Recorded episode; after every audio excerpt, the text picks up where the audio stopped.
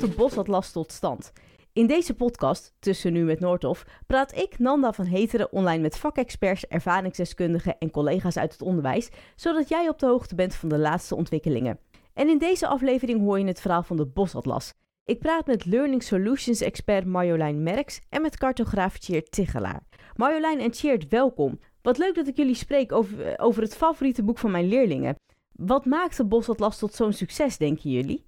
Ja, nou ja, ehm, mensen, uh, uh, het is een soort natuurlijke neiging van mensen om grip op de wereld te krijgen en overzicht uh, over de dingen die om hun heen gebeuren.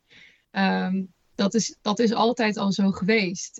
en de Bosatlas is daar natuurlijk een heel goed hulpmiddel in. De Bosatlas die brengt nou, complexe situaties in de wereld, complexe gebeurtenissen om ons heen.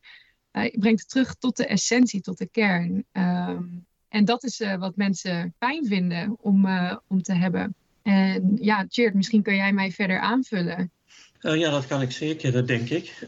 nou ja, in elk geval is het zo dat voor aardrijkskundeleraren kan ik me heel goed indenken dat ze het een heel mooi boek vinden. Want er staan natuurlijk verschrikkelijk veel kaarten en grafieken in. En iedere kaart en grafiek, die, daar kun je minstens één aardrijkskundeles uithalen. Maar ook voor de scholieren zelf, ja, het is natuurlijk een, een iets waar verschrikkelijk veel informatie in staat, maar wat ook heel erg overzichtelijk is gepresenteerd. Dus het is onze inzet altijd om uh, het niet intimiderend uh, over te brengen, maar om zeg maar, met iedere kaart een heel heldere boodschap mee te geven. En als je dan erin duikt, dan kun je nog veel meer eruit halen op detail. De hoofdboodschap moet je eigenlijk altijd meteen al kunnen zien wanneer je één keer met je ogen knipt. Dat is hoe we die kaarten opbouwen. Dus ja, als we dat goed doen, dan uh, is het een heel aantrekkelijk boek voor iedereen gezien de reacties van mijn leerlingen, denk ik zeker dat jullie dat heel erg goed doen. Uh. Fijn om te horen, ja. ja.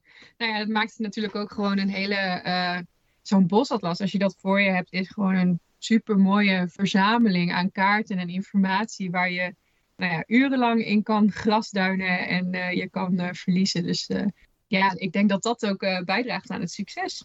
Voordat we verder gaan met de Bosatlas zelf, uh, wil ik graag eens wat meer over jullie weten. Wie zijn jullie? Wat doen jullie precies binnen Noordhof?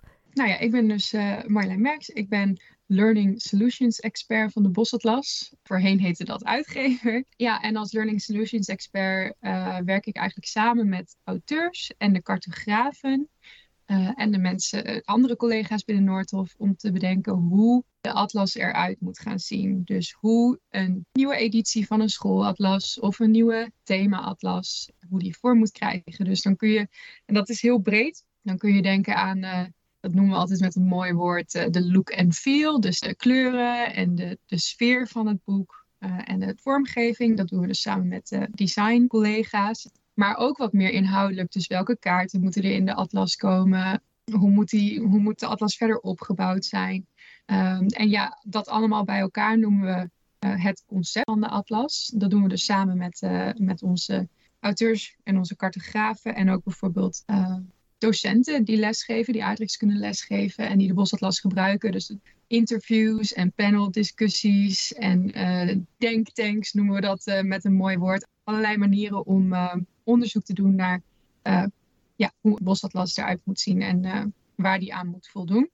Uh, nou ja, een leuke nieuwe uitdaging is nu ook om te kijken hoe we dus de digitale atlas moeten inrichten en wat daar allemaal in moet zitten. Dus ook dat hoort bij het concept en ook dat is wat ik onderzoek. Nou, ik ben Tjeerd Tichelaar. Ik ben redactiecoördinator bij de afdeling Atlasproducties van Noordhof. redactiecoördinator, dat klinkt een beetje raar op mijn Engelse naamkaartje moet ik zeggen editor-in-chief. Maar wij, wij hebben eigenlijk niks met hiërarchie binnen de redactie. Dus ik ben zeg maar de oudste cartograaf met de meeste ervaring. Ik ben in 1990 ben ik in dienst gekomen. En uh, nou ja, het aantal atlassen wat je met elkaar hebt gemaakt, is, dat uh, is natuurlijk gigantisch inmiddels. Wat bij onze redacteur cartografie heet, is in feite cartograaf. Het klinkt een beetje raar, want bij redacteur heb je altijd uh, het beeld van iemand die iets wat iemand anders heeft gemaakt gaat nakijken en aanpassen. Maar wij maken dus alles helemaal van scratch eigenlijk zelf. En uh, wij zijn, en dat geldt niet alleen voor mij, maar ook voor de andere redacteur-cartografen. Wij zijn opgeleid als geograaf, dus we hebben sociale of geografie gestudeerd. Of we hebben fysische geografie gestudeerd. Ik sociale. En dat, daar hebben we dan een uh, afstudeerrichting cartografie achteraan gedaan. Dat was in Utrecht en Universiteit van Utrecht. Die opleiding is helaas nu niet meer. Maar het komt erop neer dat wij moeten geografische analyses doen en dan het resultaat daarvan in kaarten neerleggen. En we zijn met name gespecialiseerd in atlascartografie. Het houdt in dat wij eigenlijk uh, de inhoudelijke mensen zijn en de mensen die ervoor zorgen dat er van allerlei geografische lessen uh, goede kaarten in de atlas komen. Klinkt super interessant. Even terugdenkend aan jullie middelbare schooltijd. En Marjolein, hoe zou jij dan jezelf omschrijven? Ik was echt wel uh, een hele brave leerling. Ik vond het heel cool om hele goede cijfers te halen en om hard te leren.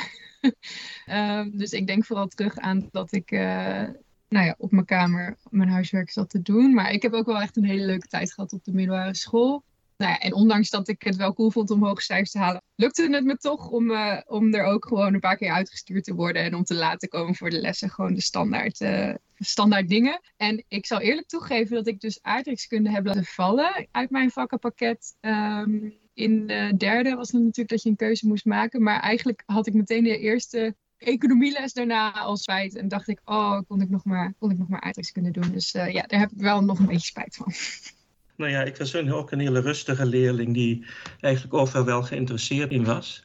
En ik vond leren op zich heel leuk. En ik wilde eigenlijk alles wel leren. Alleen in mijn tijd kon je nog niet zo heel veel voor je eindexamenpakket kiezen als je wilde gaan studeren. Dan, uh, dan moest je dus bepaalde dingen laten vallen.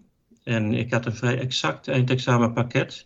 En ik moest uh, aardrijkskunde ook laten vallen, want er was geen plaats meer voor. En dat had je namelijk nergens voor nodig. Het is eigenlijk een verschrikkelijke, hele rare situatie dat kinderen aardrijkskunde niet in een eindexamenpakket nemen omdat ze het voor geen enkele studie nodig hebben.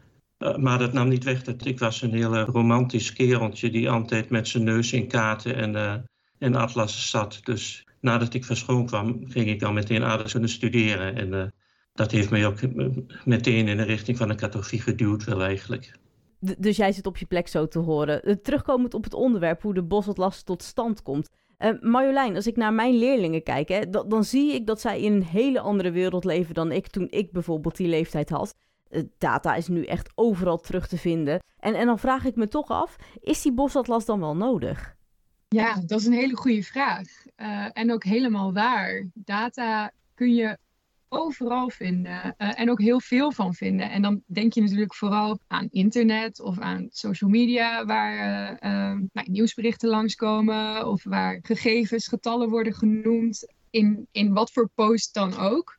en het, het is een overvloed aan data. Aan de ene kant is dat natuurlijk mooi, dat informatie en gegevens zijn zomaar beschikbaar voor ons allemaal. Dat is, dat is natuurlijk ook nieuw in deze nou ja, in deze tijd. Maar goed, het heeft ook een keerzijde. En dat betekent dat door het bos aan data zijn soms de bomen niet meer uh, terug te vinden. We hebben allemaal een gevoel van binnen van, nou, je moet data op het internet kritisch bekijken. Als ik iets lees, dan moet ik altijd nagaan, is dit wel echt wat ik lees? Hebben we hier niet te maken met een, een, uh, een fake berichtje? Um, van wie komt deze data? Wie is de bron? Zijn de data wel objectief weergegeven? Ik zie wat getallen in dit nieuwsbericht. Waar komen die vandaan?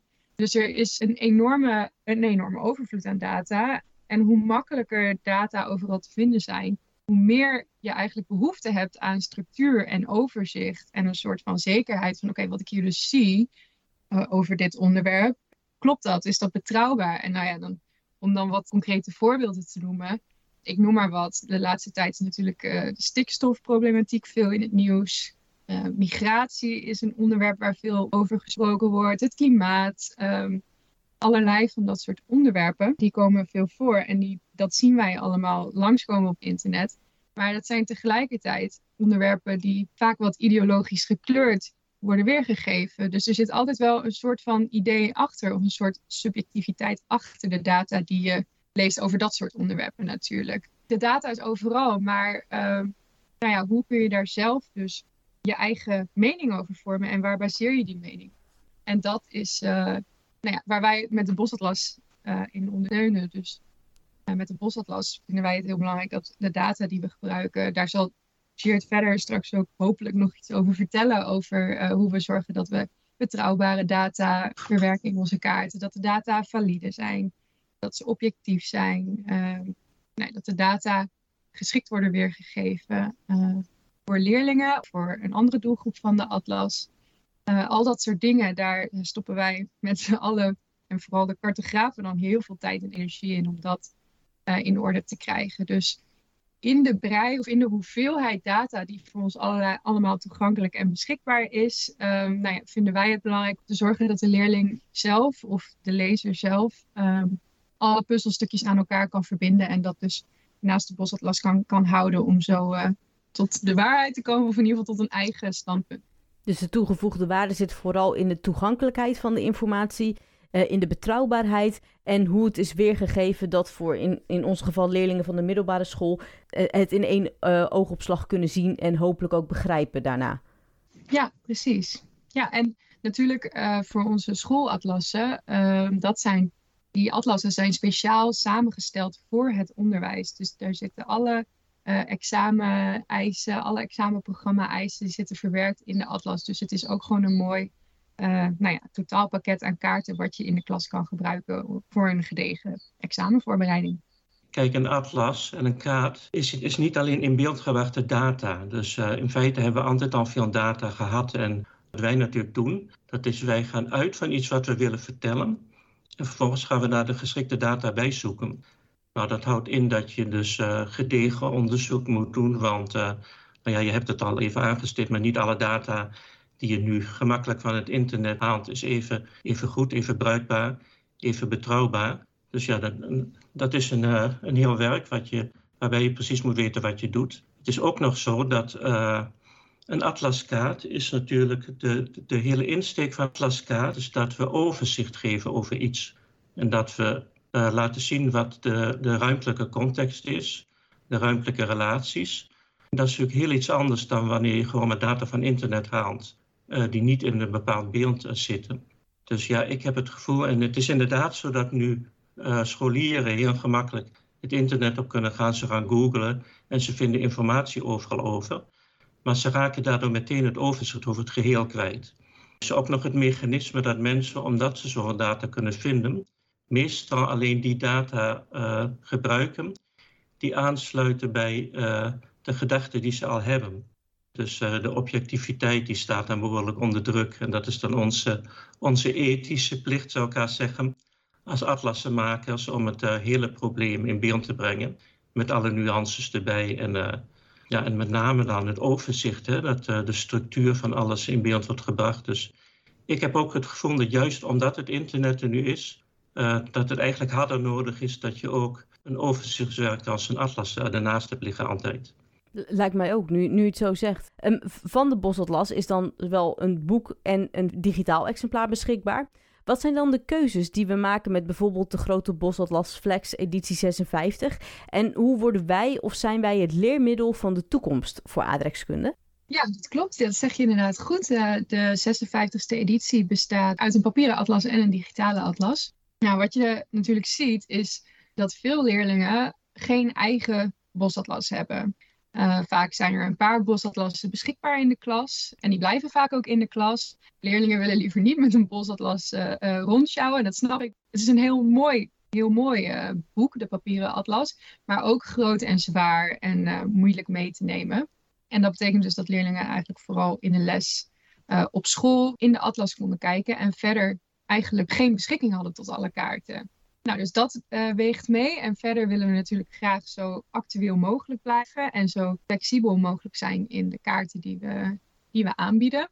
Nou ja, als je eenmaal een papieren atlas gedrukt hebt, hij is klaar, hij ligt voor je, dan kun je moeilijk zeggen, nou, we willen toch nog een kaart toevoegen over dit en dit onderwerp, want dat is nu aan de gang. En daar zou het mooi van zijn als we uh, een nieuwe kaart uh, bij kunnen maken nou ja, al dat soort dingen, dat uh, heeft eraan bijgedragen dat we een digitale atlas naast de papieren atlas uh, wilden maken. En die is er nu dus. Waarbij in de digitale atlas eigenlijk alle kaarten uit papieren atlas staan. Uh, maar waar we ook nieuwe kaarten kunnen toevoegen. En bijvoorbeeld, er zijn onlangs examenprogramma-wijzigingen aangekondigd door het CVTE voor ehm, het VMBO en voor HAVO en VWO. Waardoor een aantal termen veranderd zijn in het in het uh, curriculum een aantal termen die leerlingen moeten kennen. Ik weet zo uit mijn hoofd geen voorbeeld, maar er zijn een aantal wijzigingen geweest. Maar goed, onze papieren atlas is nu uh, een jaar oud. We kunnen daar niet zo makkelijk dingen aan toevoegen, maar online kunnen we dus dat wel doen. En dat hebben we dus ook gedaan. We, hebben, of we zijn nu bezig met, nou ja, pak een beetje 130 nieuwe kaarten die verrijking bieden of verdieping bieden op bepaalde uh, examenprogramma-onderwerpen. Dus wat dat betekent is dat de papieren atlas blijft hetzelfde en die biedt uh, op een kaartpagina biedt hij het overzicht voor de leerling. Uh, en die, de leerling gebruikt die dus vooral in de les. En thuis kan de leerling gewoon inloggen in de digitale atlas om daar alle kaarten te bekijken en um, nou ja, om toegang tot, te hebben tot alle kaarten. En om niet alleen de platte kaarten te bekijken, maar ook verder te kijken dan die kaarten.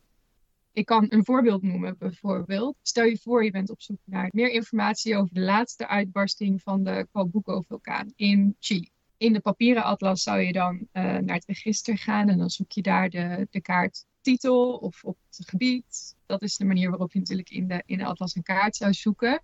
Uh, in de digitale atlas zit een zoekbalk waar je op trefwoorden kan zoeken. Dus dan zou ik bijvoorbeeld zoeken op vulkaan, Chili en uh, tectoniek bijvoorbeeld.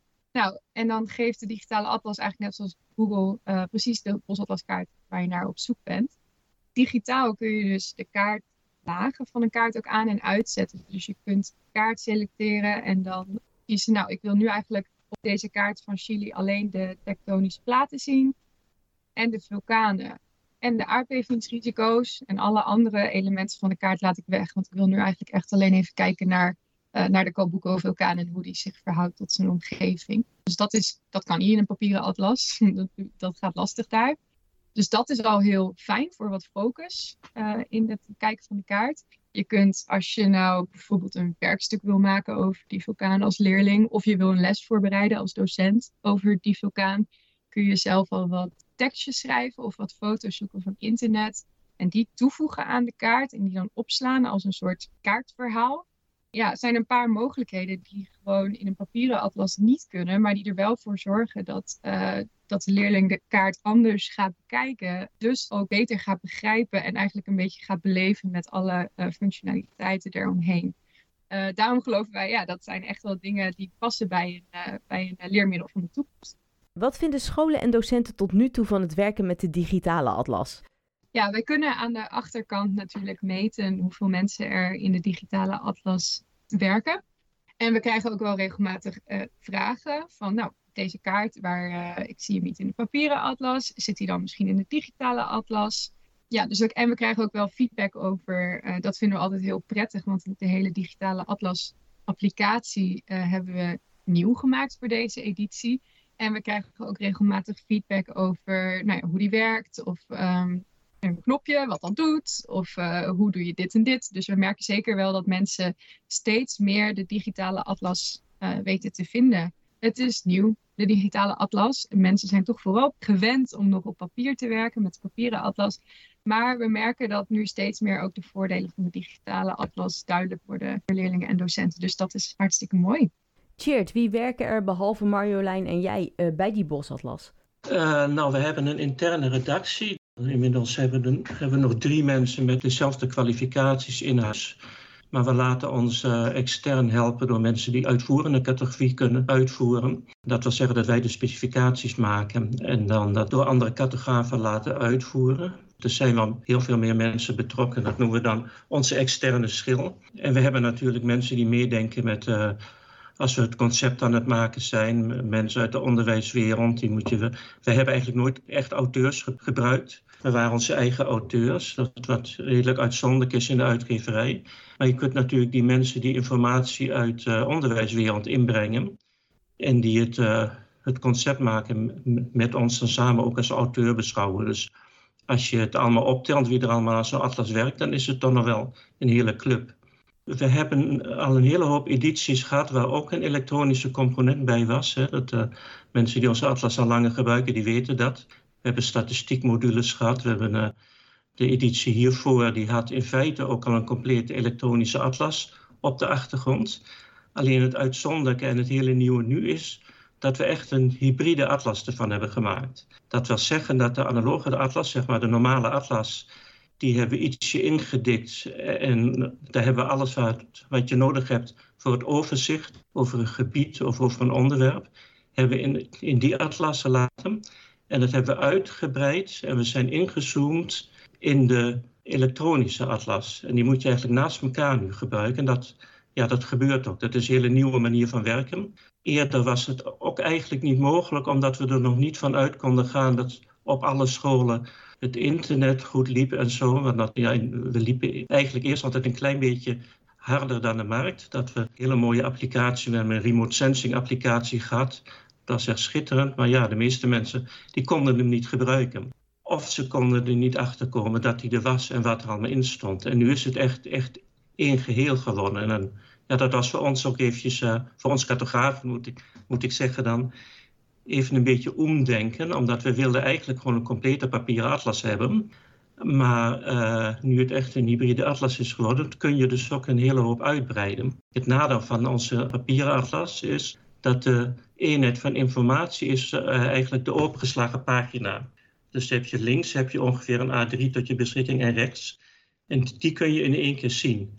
En op die opengeslagen pagina moet je dus het overzicht geven van een regio of een onderwerp. Dat houdt in dat wanneer, uh, wanneer je hier nog extra dingen op, erop wil zetten, ja, dat kan niet, want de ruimte die, die is niet meer dan die, A, die A3. En als je nog iets meer voor dat gebied hebt, dan kan het er niet op.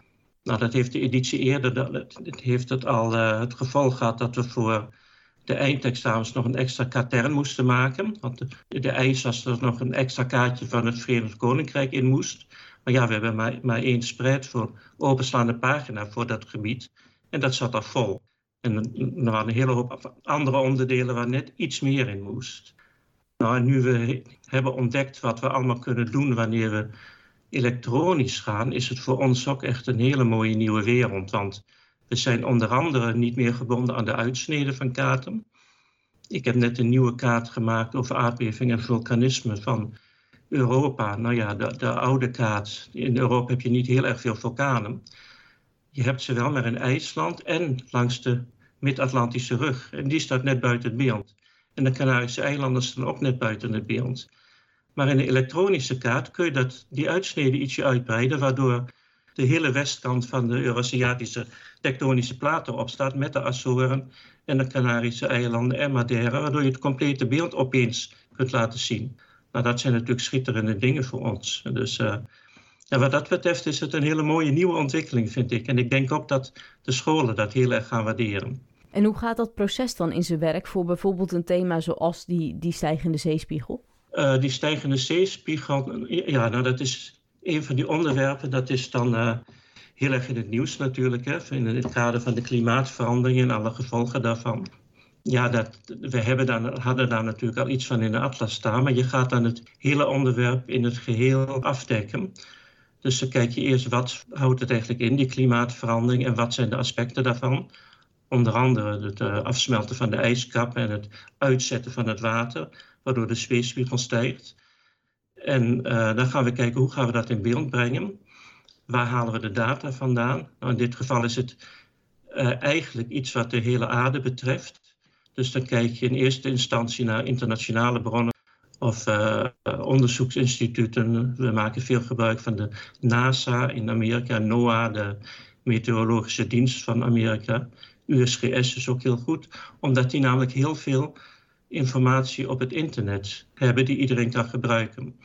Ja, in Nederland staan we in heel hecht contact met KNMI. Daar hebben we ook een apart atlas voor gemaakt. Uh, die hun informatie met ons kunnen delen. En zo zijn er een hele hoop kennisinstituten die, dan, die we dan kunnen gebruiken. Misschien kan ik een ander, een ander voorbeeld gebruiken. We hebben over El Nino op een gegeven moment hebben we een heel nieuwe, nieuwe pagina gemaakt hele extreme El Nino, waardoor bijvoorbeeld in Indonesië allerlei oerwouden uh, en oliepalmplantages in brand vlogen. Enorme economische gevolgen, gesloten vliegvelden, economie lag helemaal stil, uh, een hele hoop ellende. Nou ja, dat is dan iets wat in de actualiteit is in die periode. En dan komt het ook in het aardrijkskundeonderwijs uh, aan de orde. Aardrijkskundeleraar zit altijd erg op de actualiteit. Dus aan ons de vraag, we maken even een nieuwe pagina of een nieuwe uh, openslaande pagina over El Nino. Dus het eerste wat wij doen, is dat we gaan onderzoeken wat is het nou eigenlijk El Nino. Nou, het blijkt dat het een, een omkering van de luchtstromingen, dat een normale Noord-Noordoostwind in uh, een gedeelte van Azië, Oost-Azië, die wordt dan omgedraaid. Waardoor de wind uit het westen komt, waardoor uh, een gebied waar normaal veel regen valt, zoals Indonesië, opeens helemaal geen regen krijgt, uitdroogt, uh, met alle gevolgen van dien. En aan de andere kant van de grote oceaan, waar meestal niet heel veel regen valt, hebben ze nu overstromingsproblemen in, uh, in de Andes en zo. En dat leidt dan tot allerlei andere problemen. Dus het eerste wat we dan gaan kijken is van, nou nu snappen we de, oorzaak van El Nino weet niemand nog precies, maar de verschijnselen wel. En ook hoe het wordt uh, ontdekt. En dan blijkt dat uit de NASA een heel mooie instructie, uh, instructiewebpagina heeft. Uh, die is eigenlijk voor Amerikaanse aardrijkskundeleraren bedoeld. Maar die kunnen wij natuurlijk ook gebruiken, waarin ze laten zien hoe ze El Nino in beeld brengen. En dan laten zien dat wanneer je een aantal opnamen maakt, met iedere keer een aantal weken ertussen van het gedeelte van de aarde waar die oceaan op is, waar het zich afspeelt, dat je dan uh, in beeld kunt brengen dat het water uitzet. Dat kunnen ze met radarbeelden laten zien. Als het water gaat uitzetten, omdat er dan aan de ene kant is het koud, aan de andere kant is het warm en warm water dat gaat uitzetten. Dus dan wordt het wat hoger. En je ziet dus die El Niño-golf uh, over de oceaan zich uitspreiden. Nou, dan heb je het verschijnsel in beeld gebracht. Daar hebben we dus, dat noemen we dan een cartoon. Dat we een aantal, aardbolletjes van verschillende data. Dan laat je zien wat er gebeurt in die tijd. En vervolgens ga je dan kijken van uh, de effecten van El Niño. Die zijn dat je een verstoring krijgt in de normale neerslagpatronen. Maken we een heel klein wereldkaartje waarin we de verstoringen, de afwijkingen van de normale neerslag over de aarde laten zien. En dan zie je welke gedeelten er meer water krijgen en welke minder dan normaal. Nou, dan blijkt inderdaad dat het gebied van Indonesië heel weinig water krijgt in die tijd. En dan ga je een, een, een uh, inzoomkaart maken waarin je de effecten van El Niño laat zien. Uh, de, de, de in brand gevlogen plantages, al die brandhaarden, ja, die kun je allemaal in kaart brengen. De hees noemden ze dat, die, die, die enorme mist van de rook. Uh, de rookontwikkeling, de gesloten vliegvelden, de overstromingen aan de oostkant van het gebied. En dan ga je dus het over de effecten van het verschijnsel. En als je dan dat allemaal op één overzichtspagina zet, dan kun je, dan kun je een aardrijkskunde les geven, waardoor je een heel, een heel ingewikkeld onderwerp, wat ook voor de aardrijkskundeleraar in dit geval een beetje letterlijk uit de lucht komt vallen, zal ik maar zeggen. Ja, waar je opeens iets inzichtelijk kunt maken aan de hand van alle ruimtelijke effecten. En dat is natuurlijk ja, de essentie van ons werk. Maar het lijkt me ook wel lastig welke keuzes je maakt. Je hebt het dan nu wel deels over betrouwbare bronnen, gezien door organisaties. Ja. Maar hoe maak je ze dan toch toegankelijk en leesbaar? En er zijn natuurlijk veel meer bronnen of veel meer informatie dan allemaal in zo'n kaart past. Hoe, hoe maak je ja, die keuzes? Nou, om te beginnen gaan we al uit van dat we uh, helemaal niks opzoeken, maar gewoon gaan kijken, wat is het onderwerp eigenlijk wat we in beeld willen brengen. En dan moeten we dus weten, wat is het in dit geval El Niño? Moeten we onderzoeken, wat is El Niño eigenlijk? Wat gaan we nu van in beeld brengen? Wat kunnen we van in beeld brengen? En wat gaan we ervan in beeld brengen? En wat hebben we daar voor data nodig? En dan pas zoeken we data. Dus de data komen niet eerst en daar maken we een kaart. Nee, we bedenken eerst een concept en daar zoeken we data bij. En daar zijn we natuurlijk uitermate op onze hoede dat we niet allemaal non-informatie uh, naar binnen halen. Dus we zoeken dan echt wel in onze ogen vertrouwde bronnen. En dat, ja, dat is iets van ervaring ook. Hè. We, hebben, dit natuurlijk ook al gedaan in de periode dat er nog helemaal geen internet was. Hè. Toen uh, waren geabonneerd op allerlei jaarboeken van de VN, eh, UNDP, noem maar op. Alle, al, die, die verschillende organisaties, de Wereldbank, uh, Internationale Mijnbouwclub en een, nou, noem maar op. Nou, nu haal je dat op een andere manier, veel makkelijker, gewoon van het internet. Maar nog steeds moet je heel goed kijken wat, uh, wie is dit die dat zegt. En, en ook van één bron is geen bron in feite. Je moet in feite uh, de informatie altijd uit verschillende onafhankelijke bronnen halen. Nou, als je gaat googlen op iets, dan zie je vaak, dan krijg je vaak honderden hits en dan blijkt dat de meeste, de meeste hits eigenlijk allemaal precies dezelfde regels in zich hebben. Dat betekent dat ze elkaar allemaal imiteren. Dat is voor ons dus compleet waardeloos. Wat dat betreft kijken wij heel goed uit wat, wat wij gebruiken voor bronnen. Nu heb je het misschien al deels besproken, maar je hebt het natuurlijk wel over de kunst van het weglaten. En dat loopt echt als een rode draad door de ontwikkeling van de atlas. En ja, dat is ook vandaag de dag een leidend principe bij het maken van nieuwe kaarten en nieuwe atlassen. Maar wat bedoelen cartografen dan met de kunst van het weglaten precies?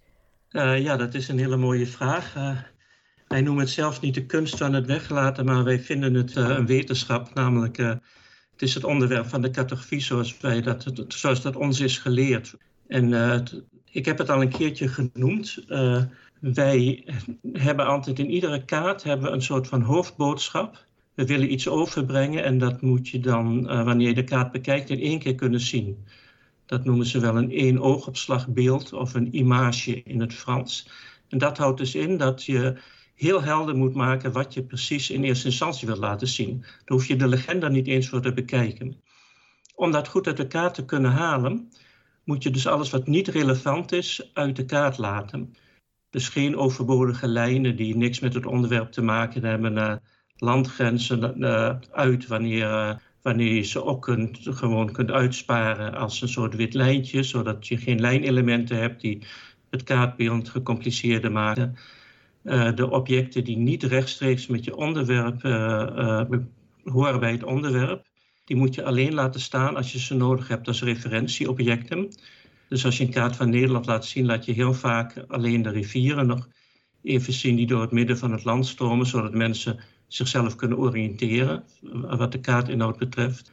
Uh, nou, in het geval van Italië laat zien hoef je in feite helemaal niks in de ondergrond uh, af te beelden, omdat Italië als laars altijd herkenbaar is. En zo kijk je dus heel goed van welke elementen moet ik handhaven in de kaart die niet horen bij het onderwerp wat ik wil laten zien. En ja, dan hou je dus een hele heldere kaart over, waarbij je meteen kunt zien wat de bedoeling is. Uiteraard is dat niet het enige niveau van informatie wat een kaart heeft. Er is ook nog informatie die je erin stopt om allerlei relaties tussen verschillende geografische elementen in beeld te kunnen brengen. En er zijn, ja, dat zijn dan onderwerpen waar je de legenda wel even voor moet raadplegen. En dan is er nog een niveau daaronder weer, dat noemen we dan opzoekinformatie, dat wanneer je naar een specifiek iets zoekt, dat je het ook nog op de kaart kunt vinden. Maar die uh, lagere niveaus, zoals we ze noemen, die mogen niet het, het hoogste niveau van het image uh, in de weg zitten. Dus ja, dat is ons, ons cartografische principe. En het is wel onze categorie, zeg maar de Utrechtse school noemen we dat. Want je ziet met schoolatlassen in andere landen, bijvoorbeeld uh, de, de, atlassen van de Dirke-atlas, zeg maar, in Duitsland die hebben dat helemaal niet. Er staat van alles in kaarten. Eh, er staat, overal staat er schaduwering in, ook als het een compleet sociaal-geografisch thema is, wat helemaal niks met het relief van doen heeft. Er staan altijd contouren overal omheen, en, uh, waardoor het hele onoverzichtelijke kaarten zijn die in het Nederlandse onderwijs niet gewild zouden zijn. Het is extra essentieel omdat aardeskunde leraren moeten vaak in een uur heel veel kunnen vertellen. Ik denk dat wanneer je ze een, een, uh, een atlaspagina laat openslaan en op een kaart wijst. En je hebt eerst heel lang nodig om uit te leggen wat er op die kaart staat. Ja, dan, uh, dan is het dan weer. Dan hebben ze een gelegenheid gehad en dan, dan kunnen ze andere dingen niet meer afdekken. Dus je moet snel communiceren. Ja, dat is, dat is wel degelijk een wetenschap en daar gebruiken we inzichten uit de waarnemingspsychologie voor. En, en uh, ook de ontwikkelingspsychologie van hoe oud moet een kind zijn om iets te kunnen zien. En nou ja, zo zijn er allemaal van dat soort aspecten die we meenemen in dat soort beslissingen. Dus het is in die zin meer een wetenschap dan een kunst. Een kunst, ik beschouw mezelf ook nooit als kunstenaar. Dus wij zijn in feite wel erg exacte mensen wat dat betreft. Precies, en mooi ook wat jij zegt. Je, ja, je beschrijft eigenlijk, er zit een enorm uh, uh, proces tussen uh, het, het, bedenken van een concept van een kaart en dan het data zoeken en dat dan vertalen naar echt een en uh, kaartafbeelding. En als dus al die keuzes zijn gemaakt, dan zijn wij ook altijd heel blij met onze nou, didactisch adviseurs. Dus we hebben een aantal docenten in ons netwerk, aardrijkskunde docenten, die dus dagelijks aardrijkskunde lesgeven aan nou ja, alle verschillende niveaus op school. En nou, we vragen hen dan ook altijd graag om nog mee te kijken naar de kaarten die we hebben gemaakt. Om nog voor een laatste keer ook te toetsen van zijn de keuzes die we hebben gemaakt, klopt dat nu ook in jullie ogen en zijn dat dus precies de kaarten die voor jullie het beste werken in het onderwijs. Dus dat is altijd nog een, een laatste check. Jullie spreken er sowieso met heel veel passie over, maar ook alsof het super eenvoudig is om complexe gebeurtenissen en ja, situaties terug te brengen tot de essentie en, en weer te geven in cartografische verhalen. Maar het lijkt mij dat je tegen heel veel dilemma's aanloopt uh, in, in zo'n proces. Hoe ga je daar dan goed mee om? Het lijkt inderdaad makkelijk. Uh, het moet er ook makkelijk uitzien. Maar het kan inderdaad heel uitdagend zijn. Kijk, wij zijn natuurlijk in eerste instantie altijd op zoek naar dingen die, die uh, je ruimtelijk, zeg maar, een ruimtelijke mechanismen. En niet, niet ieder onderwerp is even ruimtelijk. Als je bijvoorbeeld een, een ontwikkeling hebt van iets op één plaats, dan laat je geen kaart zien, maar een lijngrafiek. Of, hè, dat, zo, zo, hebben we nog een hele hoop andere dingen. Er, staan ook honderden lijnen, staafdiagrammen en uh, uh, gesegmenteerde cirkels en noem maar op in de atlas. En die zijn ook allemaal gemaakt met dezelfde, dezelfde uitgangspunten. Dat hoort allemaal bij de cartografie ook. Ook die moeten in één keer kunnen communiceren en zo. En daar mogen geen storende elementen in zitten. En uh, de legende moet, uh, moet goed zijn dat het niet al te ingewikkeld wordt om erachter te komen wat er nou eigenlijk staat. En ja, dat, dat, dat kan heel uitdagend zijn, maar die uitdaging maakt het ook heel leuk voor ons. Hè? Ja, wat dat betreft, als, als het goed lukt, als het er eenvoudig uitziet, dan hebben we ons werk goed gedaan, zeg ik altijd.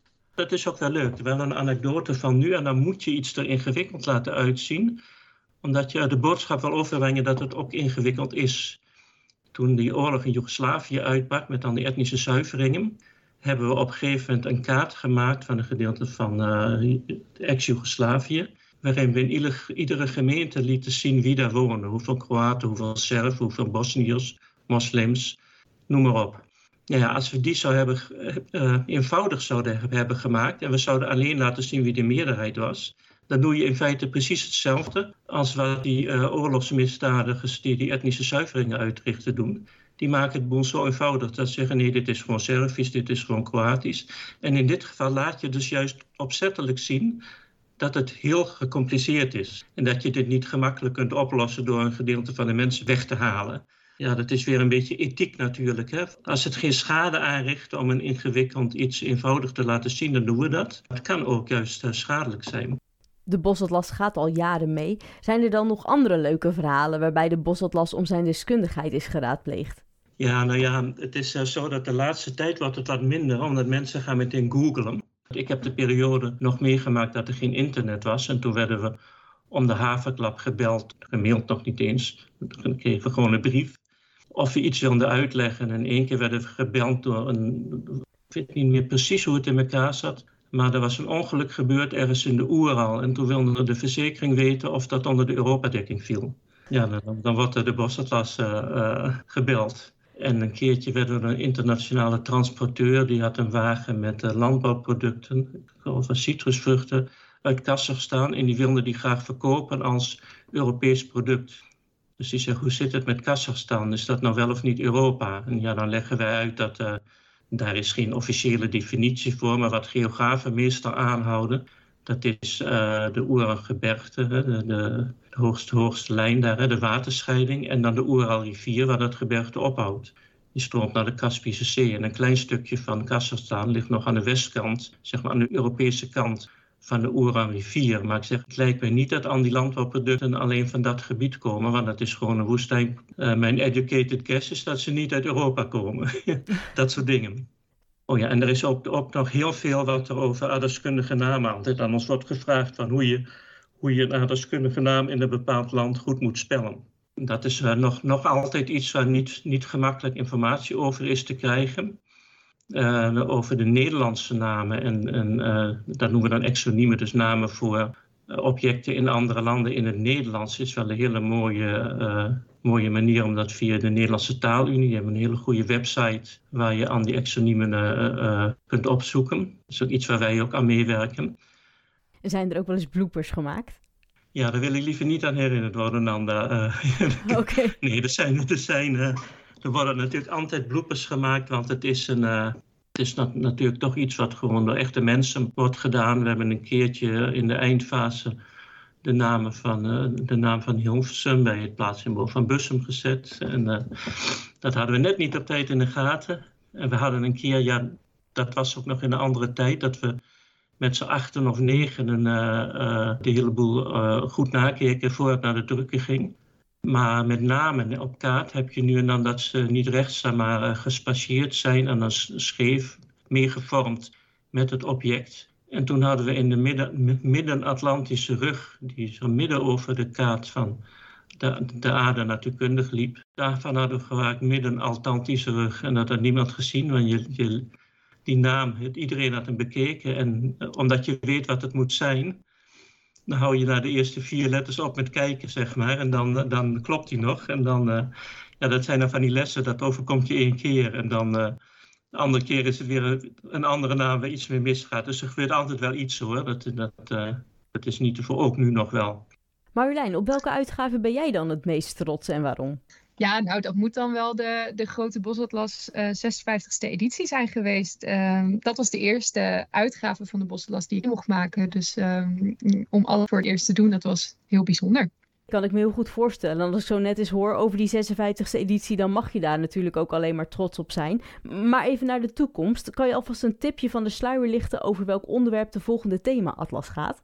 Ja, je bent natuurlijk uh, niet de eerste die dat uh, probeert uh, te vragen bij ons. nou ja, ik, we kunnen helaas dus nog niks zeggen over het onderwerp of, of wanneer die precies verschijnt, de volgende thema-atlas. maar wat we wel kunnen zeggen is dat het net als alle vorige thema-atlassen, zoals die van de Tweede Wereldoorlog en de Atlas van Weer en Klimaat, zal deze komende thema-atlas ook gaan over ja, een belangrijk maatschappelijk thema dat iedereen wel kent. Um, en waar iedereen ook direct of wat meer indirect uh, mee te maken heeft of zal hebben. Dat is eigenlijk het enige wat ik kan loslaten op dit moment. Klinkt in ieder geval heel erg spannend. Ik, ik kijk er naar uit. Um, nu is er ook een tentoonstelling over de bosatlas. Waarom zouden wij daarheen moeten? Ja, dat klopt. Ja. Uh, nou, het is inderdaad een uh, tentoonstelling in Allard Pierson in Amsterdam, het museum. En die tentoonstelling die gaat dus over zeven eeuwen uh, aan cartografie in Nederland. En uh, nou ja, wij mochten daar met Atlas natuurlijk zeker niet ontbreken. Um, nou ja, het is een ontzettend mooie tentoonstelling over allerlei uh, thema's in de cartografie. En nou ja, de tentoonstelling is zo opgesteld dat het vooral de mooiste kaarten zijn geselecteerd om, om uren naar te kijken. En met de Bosatlas kun je natuurlijk onze nieuwe 56e editie bekijken, maar ook de digitale atlas bekijken. En dat is wel, een, uh, dat is wel heel bijzonder, want de digitale atlas is er echt eigenlijk alleen maar voor scholen, dus voor docenten en leerlingen die met de atlas werken. Maar goed, nu heeft iedereen de kans om uh, uh, lekker zelf de digitale atlas te verkennen op een groot touchscreen en alle knopjes te proberen en naar de kaarten te kijken. Dus, dus ja, komt allemaal, zou ik zeggen. En wanneer is het te zien in Amsterdam? Ja, dus de tentoonstelling, uh, de tentoonstelling heet trouwens Open Kaart. Uh, en hij is te zien tot 16 juli van dit jaar. Ja, en nog een tip voor de luisterende docenten. Uh, er is ook een onderwijsprogramma bij de tentoonstelling, waarbij je met je schoolklas, met je leerlingen loop je over de tentoonstelling onder begeleiding van de museumgids. en doe je een workshop over het onderwerp zeespiegelstijging. En ook daar uh, zit een onderdeel in met de digitale atlas en kaarten, bosatlaskaarten over dit thema. Dus hartstikke leuk. Dus kijk vooral ook even op de website van Noordhof of van het Allard Pierson uh, voor meer informatie. En de website is noordhof.nl, toch? Ja, dat klopt. Jullie zijn trouwens op jullie manier heel betrokken bij de onderwijssector, heb ik net gehoord. En, het is natuurlijk een vakgebied waarin heel veel goed gaat en ook heel veel voor verbetering vatbaar is. Als jullie nou onderwijsminister zouden zijn, wat zou je dan veranderen en hoe en waarom ga je dat doen? Ja, nou, ik vind de uh, docent het belangrijkste. Ik zou dus zeggen, um, uh, zorg dat de docent voldoende tijd en ruimte krijgt om zich te ontwikkelen en om bij te leren en om heel goed te worden uh, in het vak. En jij, Tjeerd? Ik moet eerlijk zeggen dat ik natuurlijk niet weet hoe alles nu precies georganiseerd is in het onderwijs.